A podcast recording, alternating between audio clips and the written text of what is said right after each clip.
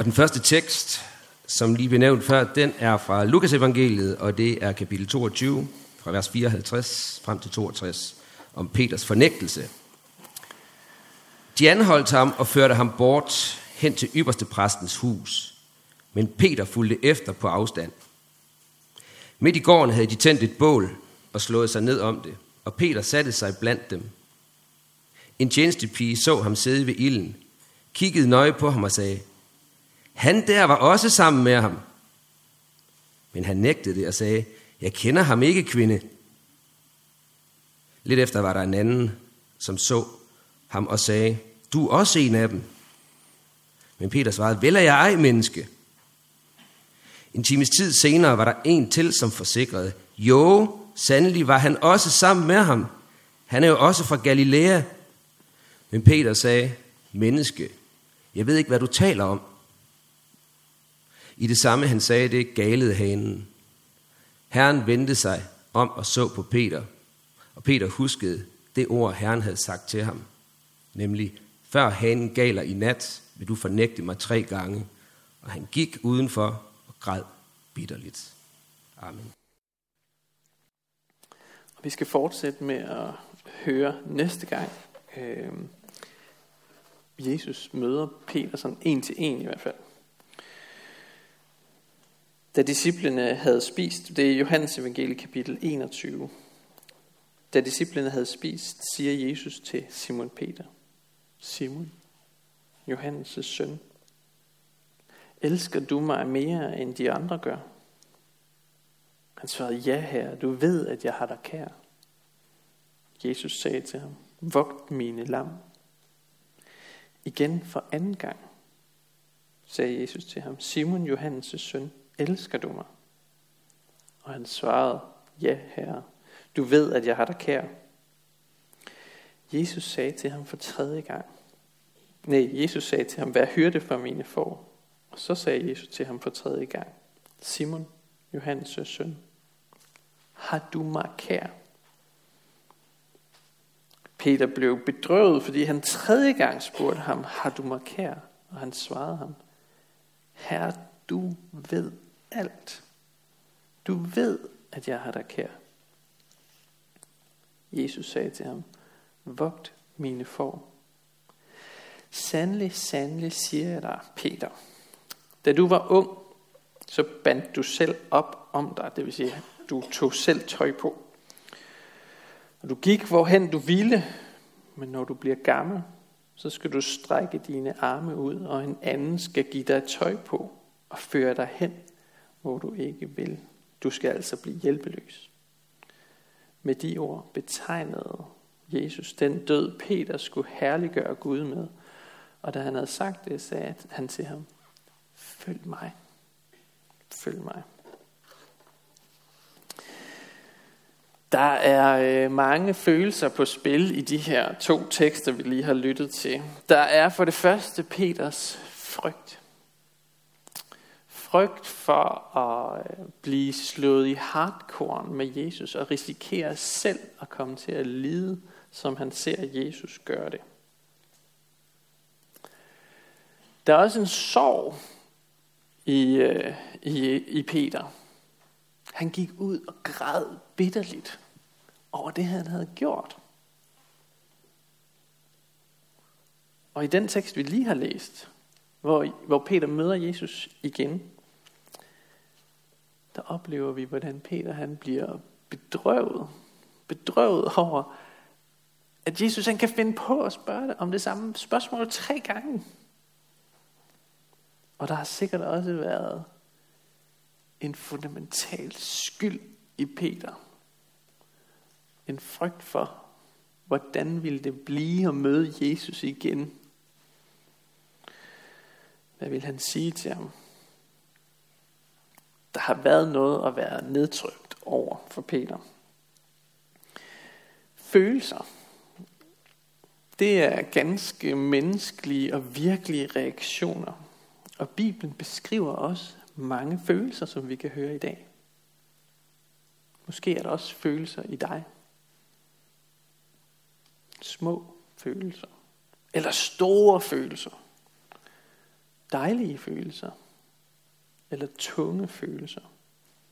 Følelser ligesom Peter havde. Vi skal prøve at sætte os lidt i Peters sted i dag. Og så skal vi prøve at se, hvad kan vi, øh, hvad kan vi lære om Gud i det møde, der er mellem Peter og Jesus. Dels den ene gang, dels den anden gang. Så hvem var Peter? Jeg vil lige sådan starte med at genopfriske jeres øh, hukommelse lidt. Vi møder første gang Peter i evangelierne i en båd på Genesarets sø. Han var fisker. Han havde sin egen båd. Han har siddet øh, på stranden og repareret net. Nogle gange og arbejdede han om natten, så han havde nattevagt. Vi hører, at han havde en svigermor, og det vil sige, at han havde nok også en kone, og han havde formentlig også nogle børn. Eller han havde helt sikkert en kone, og så formentlig nogle børn. Så han skaffede altså øh, mad til sin familie ved at tage ud på søen og fiske. Og så solgte han nok det, der var i overskud for at have noget at leve for. Det var et liv, der i den grad afhang af, om der var noget i nettene. Vi hører om, hvordan øh, Peter trodser sin sunde fornuft på et tidspunkt og træder ud over en båds kant, ud på vandet og går på vandet for at komme Jesus i møde, som rækker ham hånden. Hvordan han begynder at tvivle og ser på bølgerne i stedet for på Jesus. Og Jesus der griber ham og tager, holder fast i ham, så han ikke drukner. Peter, han er også den øh, første af disciplene, der, beskriver, der, der beskrives at vide, hvem Jesus han egentlig er. Den, den første, der rigtig forstår, hvad det er, Jesus han siger. Han siger, du er Kristus, den levende Guds søn, og så siger Jesus til ham, at det var der ingen af de andre, der havde forstået. Og så siger Jesus bagefter, Peter, og det betyder på græsk klippe, på den klippe vil jeg bygge min kirke, siger Jesus. Peter han var også en temperamentsfuld fyr. Vi hører, at han hugger øret af en vagt i Gethsemane have på et tidspunkt. Og han i rette sætter faktisk Jesus på et tidspunkt. I rette sætter Jesus. Så har man i hvert fald et vist temperament. Han manglede i hvert fald ikke mod og dumdristighed. Han var en af de mest ivrige forsvarere af Jesus. For eksempel så siger han på et tidspunkt, om så alle andre svigter, så vil jeg aldrig svigte dig, Jesus.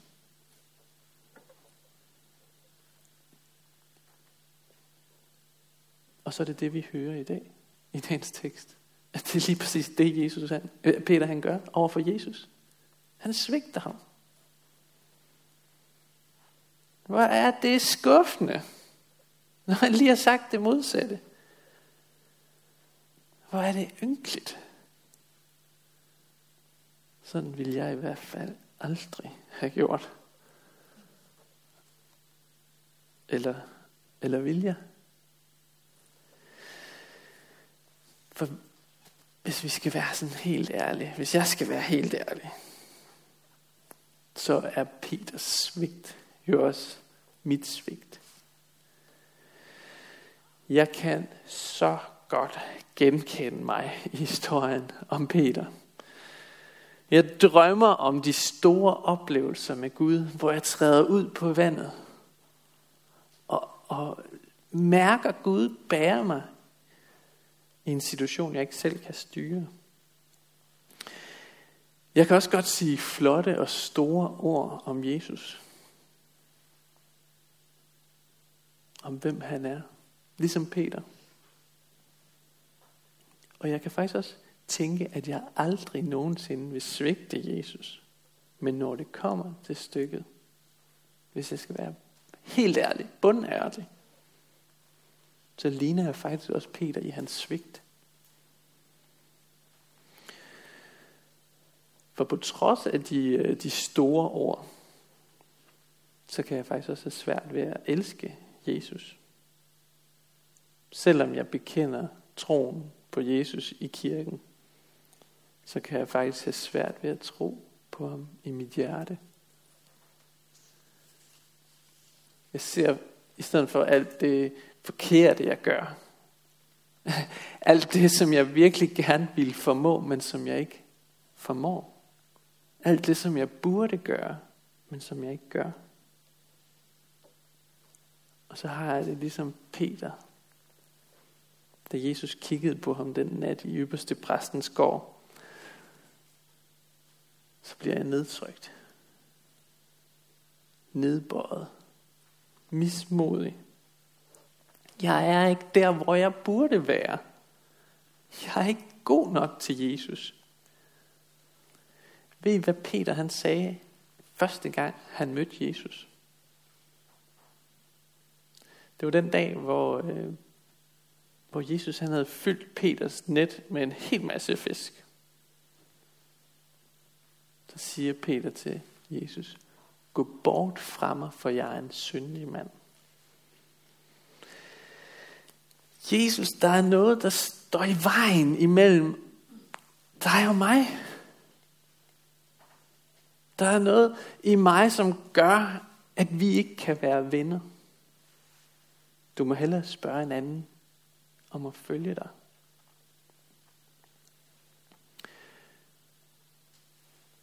Men Jesus han spørger ikke en anden. Han spørger ikke en anden. Han siger tværtimod, frygt ikke, Peter. Det handler ikke om, hvad du har gjort. Men det handler om, hvad jeg har gjort for dig. Og så kalder han Peter til en tjeneste som menneskefisker. Selvom Jesus ved, hvem Peter er, så kalder han ham til at være disciple og i, og i sidste ende apostel. Og han kalder ham ikke bare én gang, men to gange. Han er den eneste disciple, vi hører, der bliver kaldet to gange. Så selvom Jesus ved, hvad der bor i Peters hjerte, så kalder han ham, fordi han elsker ham. Og det er fantastisk godt nyt for dig og mig. For hvis der er noget nok for Peter, så er der også noget nok for dig og mig. Peter blev ikke kaldet, fordi han havde totalt styr på sit liv. Han blev heller ikke kaldet, fordi han var enormt klog, eller fordi han havde en hel masse øh, diplomer og øh, de rigtige ske, hvad hedder det, sådan nogle karakterer. Nej, han var faktisk ikke særlig bemærkelsesværdig. Han var ganske almindelig. Og Jesus han kalder os på dig. Følg mig, siger han. Der var en kommentator, eller sådan en, en kom, jeg læser nogle gange nogle kommentarer til de her bibeltekster, der sagde, når Jesus siger til Peter, følg mig, så siger han det til os alle sammen. Følg mig. Der er noget nok til mig og til dig, fordi der er noget nok til Peter selvom han svigtede i det mest afgørende øjeblik og benægtede, at han overhovedet kendte Jesus. Og når Jesus tager Peter til noget, selv efter så gralt et svigt, så kan vi også vide med sikkerhed, at han vil tage os til noget, uanset hvor meget vi har svigtet. Uanset hvad vi har gjort forkert. For det handler hverken om, hvad Peter har gjort, eller om hvad du har gjort, eller om hvad jeg har gjort. Det handler om, hvad Jesus har gjort for os alle sammen. Den skyld, Peter bar rundt på efter natten der i ypperste præstens gård, den har pint ham. Øhm, fordi det gør skyld. Men det er ikke meningen, at skyld skal pine os for altid. Det er ikke meningen, at, at den skal bare have lov til at være der, at vi skal prøve at ignorere den. Nej, som kristne, så skal vi gå et sted hen, hvor vi kan gøre noget ved den skyld. Peter vidste i det øjeblik, hanen galet, at Jesus havde set lige igennem ham. Men Jesus var ikke kommet for at give Peter dårlig samvittighed. Han var heller ikke kommet for at give ham en større skyld. Nej, han er kommet for at løfte skylden af ham. og løfte byrden af hans skuldre, for at give ham en ny samvittighed, en ren samvittighed. Og det fører os til den bedste dag i Peters liv. Den dag, han møder Jesus igen. Sådan en til en. Går sådan en tur langs stranden ved Genesrets sø. Sammen med Jesus. Det var det samme sted, hvor han havde mødt ham første gang. Og han har sikkert groet for, hvad Jesus han ville sige til ham. Vil han skælde ham ud? Vil han bebrejde ham? Vil han gøre hans skyld større? Og så udspænder sig i stedet for den her meget, meget mærkelige samtale, kan man næsten ikke kalde det, med sådan en udspørgning. Elsker du mig mere end de andre gør? Og Peter, han er jo den der, ja, selvfølgelig gør jeg det. Peter er ikke i tvivl om, ja herre, jeg elsker dig. Men Jesus han bliver ved og spørger tre gange, elsker du mig, elsker du mig, elsker du mig? Til sidst så kan Peter ikke have det mere. Du ved alt, Jesus. Hvorfor spørger du mig igen og igen, om jeg elsker dig? Er det fordi, du ved mere om mig, end jeg selv gør? Ligesom du vidste, at jeg ville fornægte dig, selvom jeg selv sagde det modsatte.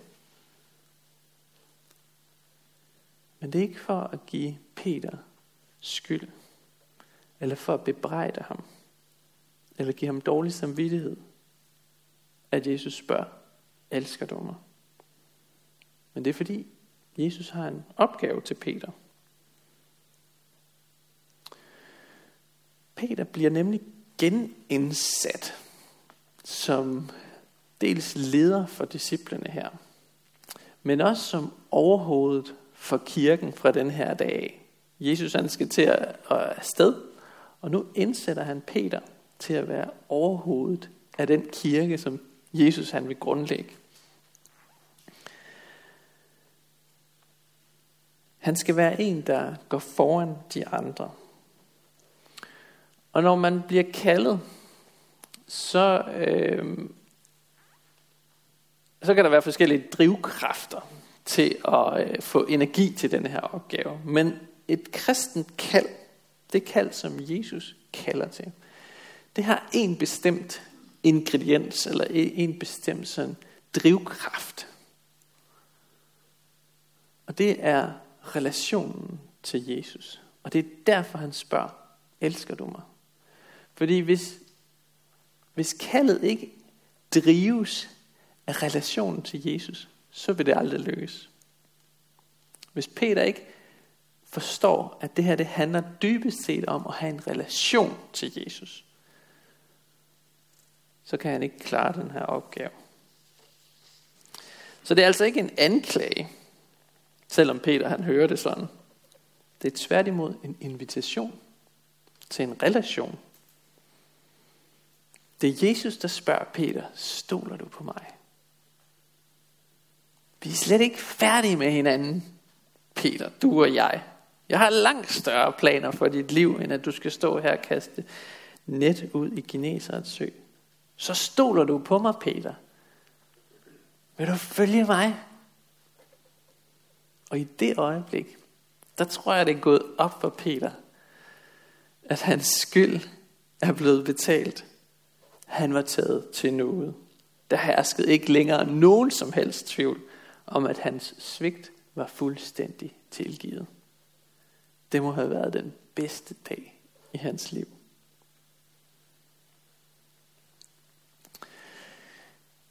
Imellem de her tre spørgsmål, elsker du mig, elsker du mig, elsker du mig, så kommer Jesus med sådan nogle glimt af, hvad er det for en opgave, som, øh, som han har til Peter. Øhm, han har jo tidligere kaldet ham til at være menneskefisker. Det er et stykke tid siden. Men nu bruger Jesus et andet erhverv til at beskrive, hvad er det for en opgave, som Peter han skal have. Han bruger billedet af en hyrde. En hyrde, der tager sig af sine får og giver dem føde, som vogter dem mod rovdyr og fører dem til det livgivende vand. Peters livsmission de udfolder sig imellem de her to billeder. Fiskeren og hyrden. Fiskeren, han øh, står over ved, øh, ved vinduet og spejder ud i natten for at se, om der er flere mennesker, som kunne blive hævet op i båden, så de ikke går fortabt på dødens hav. Han spejder ud i verden for at se, om der skulle være nogen i havsnød, der har brug for frelse. Hyrden derimod, han retter fokus indad og tager sig af dem, som allerede er en del af flokken.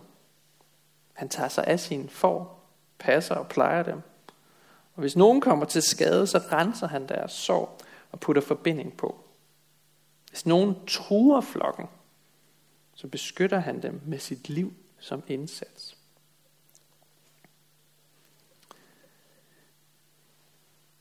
Begge dele er opgaver eller billeder, som øh, Jesus også beskriver sin egen tjeneste med. Og der er noget i den her fortælling, hvor Jesus han overlader noget til Peter. Han overlader noget af det, som Jesus han har, han har praktiseret til Peter. Det her, det skal du gøre, ligesom jeg har gjort.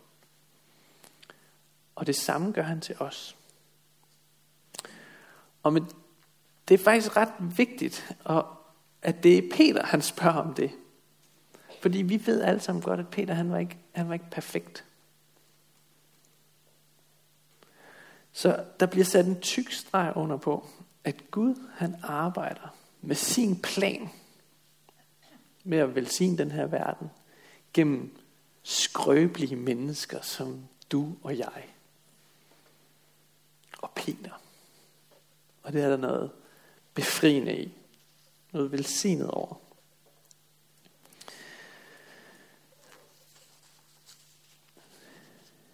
Peter han skulle fiske med kærlighed, vogte med mildhed og lede med styrke. Og så slutter teksten på en lidt, med sådan en lidt dyster påmindelse. Øhm, jeg ved ikke, om jeg havde været sådan interesseret i at få sådan en påmindelse, men, men Jesus han fortæller simpelthen Peter, at, hvordan han kommer til at dø. Øhm, og det, det, det er en død, der skal ligne Jesu egen død, siger han. Jeg ved ikke, hvordan du vil have det med at få sådan en, en besked. En dag, der skal du dø, og du skal komme til at dø på en måde, der ligner min måde at dø på.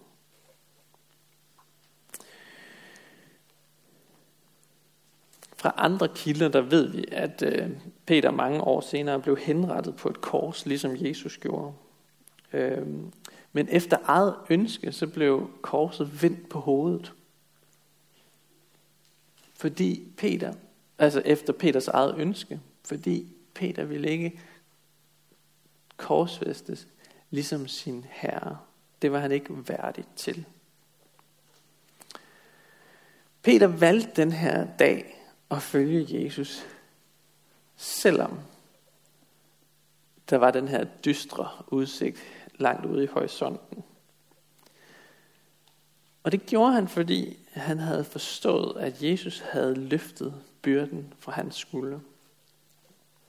Al den sorg, al den frygt, al den bedrøvelse og skyld, der havde fyldt Peter, fordampet i mødet med Jesus. Og i stedet for at synke ned i mismod, så tog han imod invitationen til at stole på Jesus og følge ham. Det skal vi takke Jesus for. Lad os bede sammen. Jesus, vi takker dig, fordi du inviterer os ind i en relation til dig. Tak fordi vi kan stole på dig og på din frelse. Tak fordi din kærlighed til os ikke bygger på noget i os, men alene på noget, du har gjort for os. Vi beder dig, kald os til at lede og kalde og fiske, ligesom Peter. Og på den måde tage imod den opgave, du har til os. Vi beder dig, hjælp os til at følge, når du kalder, og lad altid din kærlighed til os være drivkraften. Vi beder dig for menigheden, at du må udruste os med nådegaver til fælles gavn og opbyggelse. Og lær os at række ud over egne behov. Vi vil også bede dig for menighedens børn, både de fødte og de ufødte. Beskyt du dem og lad dem få lov til at vokse op i troen på dig. Vi beder dig for menighedens konfirmander og unge, for deres liv og vækst i troen.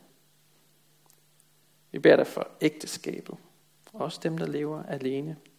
Giv os alle din kraft til at leve efter din vilje. Vi beder dig for skærn og omegn, at du, Jesus, må blive kendt og troet og elsket og efterfulgt her. Vi beder dig for Niels Jørgen Fogh, menighedens vejleder. Må du styrke ham i hans arbejde og holde både ham og os fast på Bibelens grund. Og vi beder dig om, at du vil være nær hos alle, der er ramt af sorg og sygdom og lidelse. Giv os mod til at være til stede og visdom til at lindre smerten hos hinanden. Hør os, når vi hver især beder for en, vi kender.